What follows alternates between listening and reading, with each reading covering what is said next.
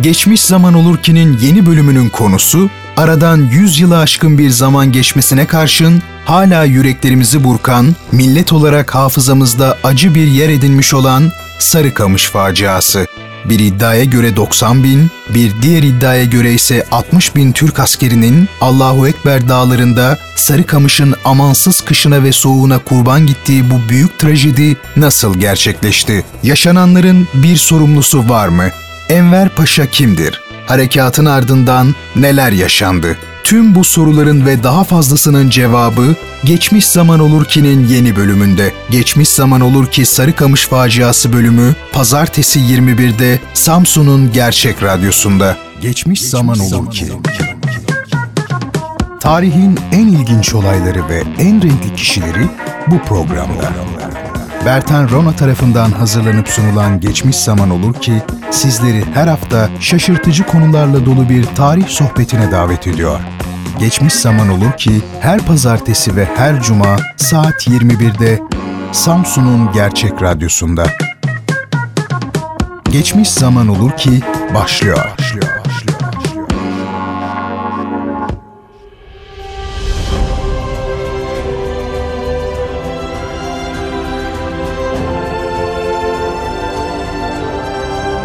İyi akşamlar efendim.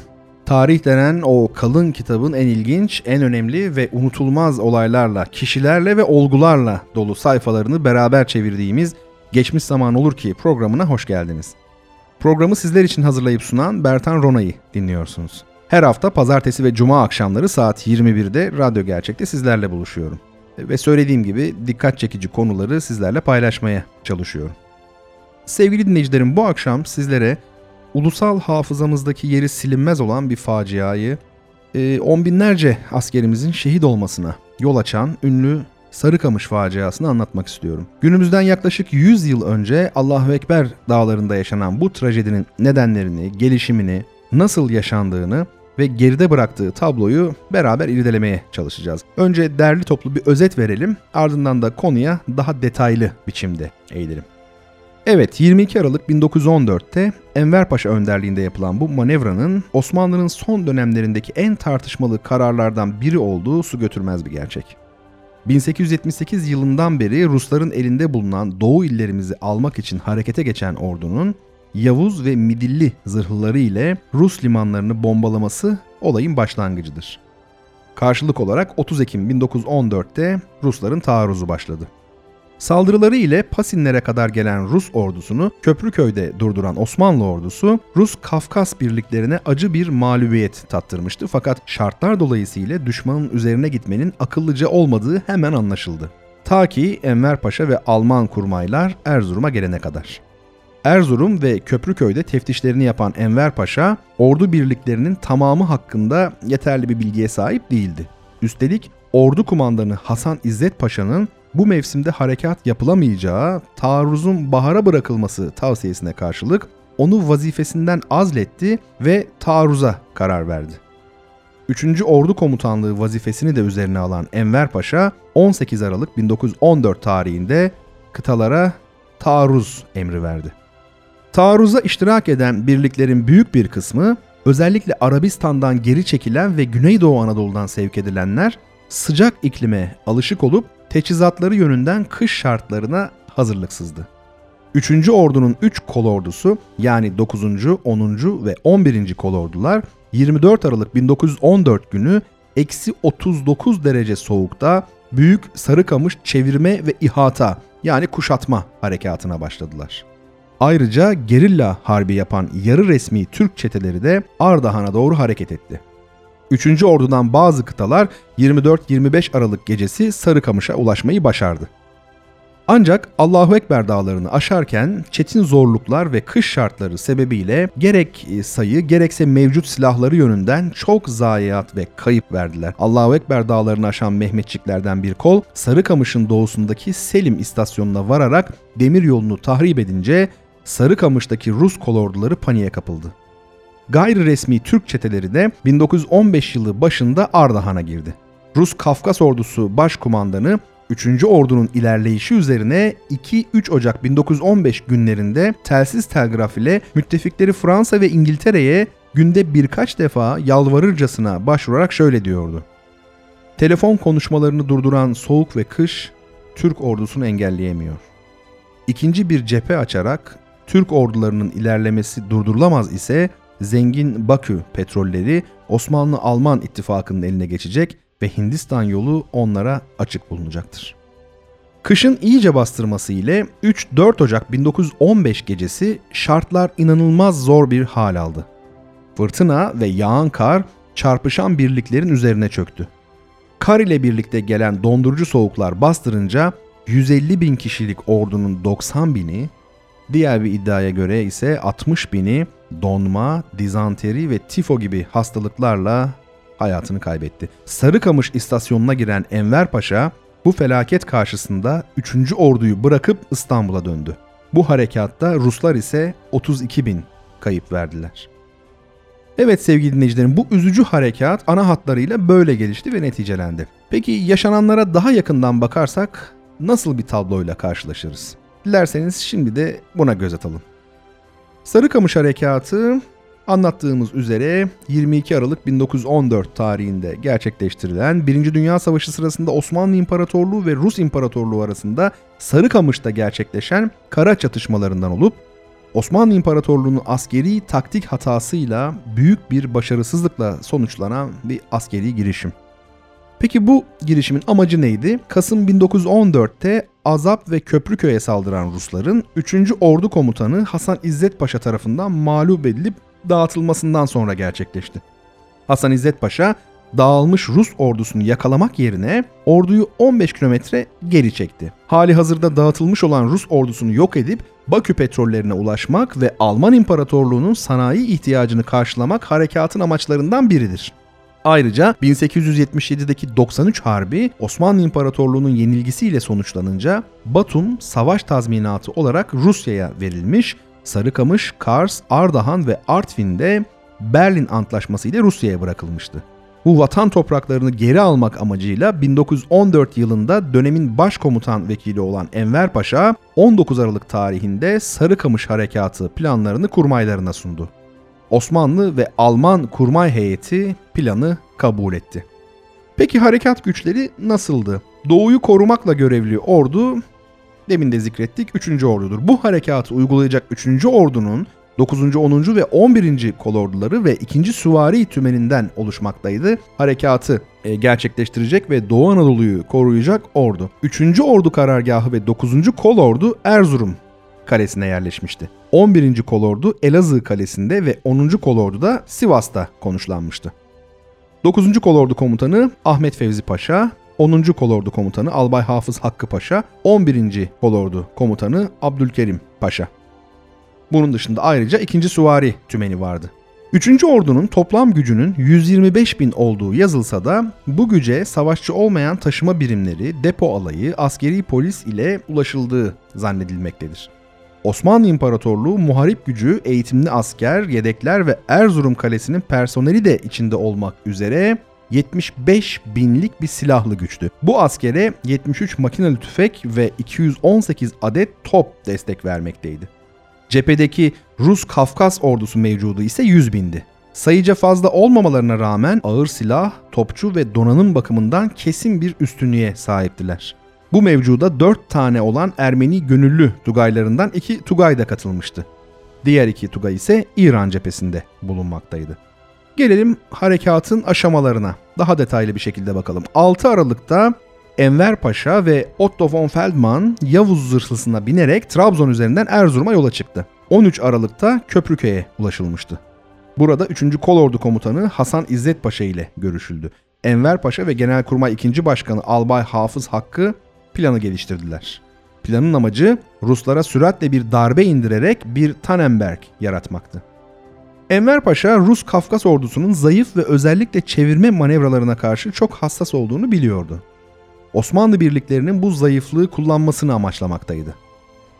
Tamamen karlarla kaplı, çok yüksek, dağlık ve yolsuz bir arazide o günün koşulları altında kış donatımından yoksun yaya ve atlı birliklerle yapılan bu harekat çok riskliydi. Ama Enver Paşa başarıldığında Rusların bu cephede varlıklarının yok olmasının bu riske değeceğini düşünüyordu.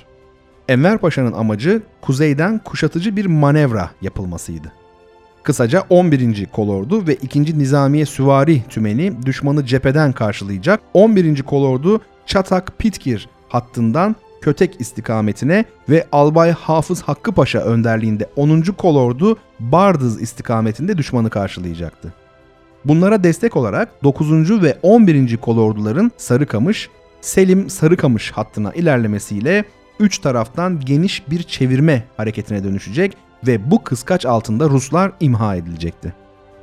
Tabi kağıt üzerindeki plana nazaran cephede malzeme ve iaşe çok noksandı. Mesela mevcut 6 yıllık iaşesi için 88 bin ton buğday, çavdar ve arpa ihtiyacı olmasına karşın ordu ambarında 1250 ton hububat vardı. Kışa girilmiş olduğu için erzağın gereği gibi taşınması, dağıtılması bir hayli güçtü. Bu güçlükte Rusların Karadeniz'deki donanma üstünlüğünün de payı vardı.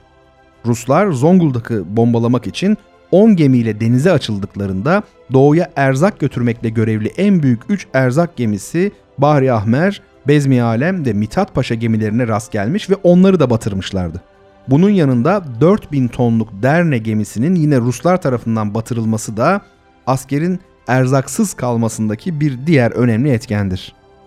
Bir iddiaya göre de erzağın az olması ve salgın hastalık söz konusu olması Enver Paşa'nın hemen bir harekata girişmesine sebep olmuştur. 22 Aralık tarihinde 11. Kolordu büyük yürüyüşüne başladı. 9. Kolordu Lafsor'a kadar uzanan ilk hedefine ulaştı. 10. Kolordu Oltu'nun batısı Narman hattına zorlukla varabildi.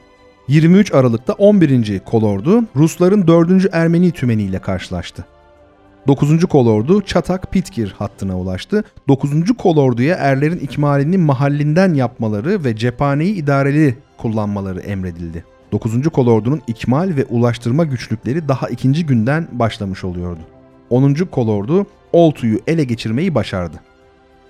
24 Aralık'ta 11. kolorduya düşman karşı taarruzları devam etti. 9. kolordu ise Bardız'a vardı. Hafız Hakkı Paşa 10. kolorduya 30 ve 31. tümenleri kendisiyle birlikte Kosor istikametindeki Stomin Tugayı'nın peşine takılması ve bir tümenin Bardız'a ilerlemesini emretti. 10. kolordunun büyük kısmı ise Kosor istikametinde geniş bir kuşatmaya girişmesi muharebe gücünün toplanmamasına ve geç kalınmasına sebep oldu ve netice olarak felaketin ana nedenlerinden biri oluştu. 25 Aralık'ta 9. kolordu Sarıkamış'a doğru geriledi. 9. kolordu ikmal ve ulaştırma zorlukları yüzünden asker kaybetmeye başladı. Sahra toplarını beraberlerinde taşıyamaz hale geldiler. Plana göre 10. kolordunun Kosor yolunda olması gerekiyordu ama ağır koşullar altında Beyköy hattına ancak varabildiler. Beyköy hattında 10. kolordu 3 kilometre yolsuz bir kar çölü olan Allahu Ekber dağlarında kendi düşmanını maalesef bulmuştu. Tabiat her geçen saat 10. Kolordu kuvvetlerinin erimesine neden oluyordu.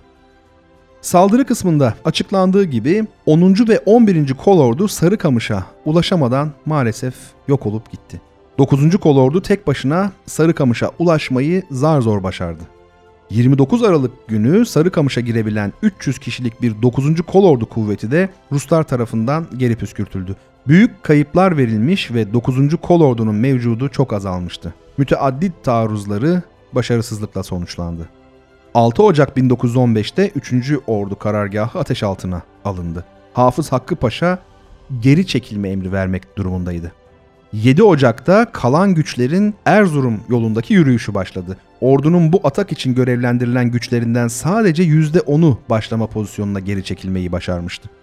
Ve 10 Ocak'ta 3. Ordu Komutanlığını Enver Paşa, Tuğgeneral Hafız Hakkı Paşa'ya devrederek İstanbul'a döndü. Sevgili dinleyicilerim, bu çatışmadaki kayıplar nasıldı? Evet, e, bizi oldukça üzecek bir takım rakamlar vereceğim. Tabii biz onları bir rakam olarak söyleyip geçiyoruz ama her biri birer insan, birer vatan evladı, birer can.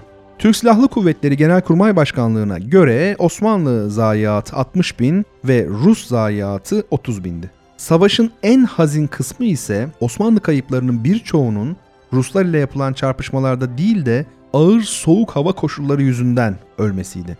Ruslar Türklerden 200 subay, 7000 eri esir, 200 subayı ve 7000 eri esir, 20 makineli tüfekle 30 topu ganimet olarak almışlardı. 5000 kişi civarında da esir söz konusuydu. Bunlar tahmine göre Kırım'da domuz çiftliğinde çalıştırılarak ve aç bırakılarak ölmüşlerdir. Tarihçi yazar Mehmet Niyazi, Sarıkamış harekatındaki ölü sayısının tüm belgelerde toplamda 23 bin olduğunu, 90 bin rakamının 60 bin kayıp veren Rusların yalanı olduğunu kaydeder. 90 bin askerin şehit olduğu iddiası ilk olarak Sarıkamış harekatından 8 yıl sonra binbaşı Şerif Bey'in yazdığı kitapta yer almaktadır. Osman Mayatepek 75 bin muharip kuvvetin bulunduğu tarafın 90 bin askerinin ölmesinin matematiksel olarak imkansız olduğunu ifade etmektedir. Efendim bu yenilginin, bu facianın sorumlusu çok konuşuldu bildiğiniz üzere. Gerçekten net, somut bir sorumlu var mı? Varsa acaba kim? Bu hala tartışılıyor. Enver Paşa'nın torunu Osman Mayatepek harekatı bakın nasıl değerlendiriyor, şu sözlerle değerlendiriyor. Şayet komutanlar Enver Paşa'nın emirlerini yerine getirseydi Sarıkamış zaferle biterdi. 10. Kolordu Hafız Hakkı Bey komutasında Bardız'a gitmesi gerekirken Rus birliklerinin peşine takılıp Koşur istikametine yöneldi. Yalnız 32. Tümen Bardız'a ilerledi. Bu hata Hafız Hakkı'nın zafer kazanma ihtirası ile yolu 75 kilometre uzattığı yetmezmiş gibi Allahu Ekber dağlarını geçmeye mecbur kalmış fırtına ve tipiye yakalanıp çok büyük zayiat vermiştir ve zamanında Sarıkamış'a intikal edememiştir. 9. kolordu ise 3. ordu ile 24 Aralık'ta Bardız'da birleşir. Cephe arasındaki Rus birliklerine taarruz etmek için Kötek köyüne gidip ve Rus ihtiyat kuvvetleriyle taarruz edip Sarıkamış'a iltihak etmesi gerekiyordu. Maalesef yine evdeki hesap çarşıya uymamıştır. Bu sapmanın başlıca sebebi Hafız Hakkı Paşa'nın 25 Aralık tarihinde Sarıkamış'ta olacağı varsayımı tamamen Enver Paşa'nın 10. kolordu yalnız kalmasın diye yönünü Kötek'ten Sarıkamış'a çevirmesi olmuştur. Netice olarak 10. kolordu büyük zayiatla bitkin bir şekilde ancak 29 Aralık'ta Sarıkamış'a gelebilmiştir. Efendim Murat Bardakçı'nın Hafız Hakkı Paşa'nın Sarıkamış Günlüğü adlı kitabında Hafız Hakkı Paşa'nın kendi yazdığı bir günlükte şunların yazdığı belirtiliyor. Ya Rabbi bu felakete ben sebep oldum. Yine ben tamir edeceğim. Evet, Sarıkamış harekatının sonuçlarına da birlikte bir bakalım. Savaştan sonra İstanbul'a dönen Enver Paşa uzun bir süre Sarıkamış hakkında herhangi bir haber, bildiri veya yayın yapılmasını engelleyerek sansür uyguladı ve Osmanlı halkı savaşta olup bitenleri uzun yıllar sonra öğrenebildi. Ermeni gönüllü tümenleri Rus kuvvetlerinin başarısında önemli etken olmuştu. Bunlar kritik zamanlarda Osmanlı hareketlerine meydan okudular. Osmanlı'nın gecikmesi Sarıkamış etrafında yeterli kuvvet konsantre etmesi için Rus Kafkasya ordusuna zaman kazandırmıştı. Enver Paşa Ermenileri suçladı ve bölgede Rusya ile aktif beraberlikte bulunduklarını söyledi. Ve nihayet 1918 Mart ayında Brest-Litovsk antlaşması ile Sarıkamış ve Kars geri alındı ama aynı yılın Ekim ayında Mondros mütarekesi uyarınca eski sınırlara dönüldü. Toprak elden çıktı. Sevgili dinleyicilerim, bir geçmiş zaman olurkenin daha sonuna geldik. Bendeniz programı sizler için hazırlayıp sunan Bertan Rona. Efendim programımızın bu bölümünde konumuz Sarıkamış harekatıydı, Sarıkamış faciasıydı. Bu faciayı sizlere trend.mynet.com ve Wikipedia internet sitelerinden istifade ederek sunmaya çalıştım. Geçmiş zaman olur ki her hafta pazartesi ve cuma akşamları saat 21'de Radyo Gerçek'te dinleyebiliyorsunuz. Böylelikle tarihin en önemli kişileriyle, en ilginç olaylarıyla dolu dakikalar geçiriyorsunuz. Bir sonraki bölümde tekrar bir arada olabilmek dileğiyle hepinize esenlikler diliyorum.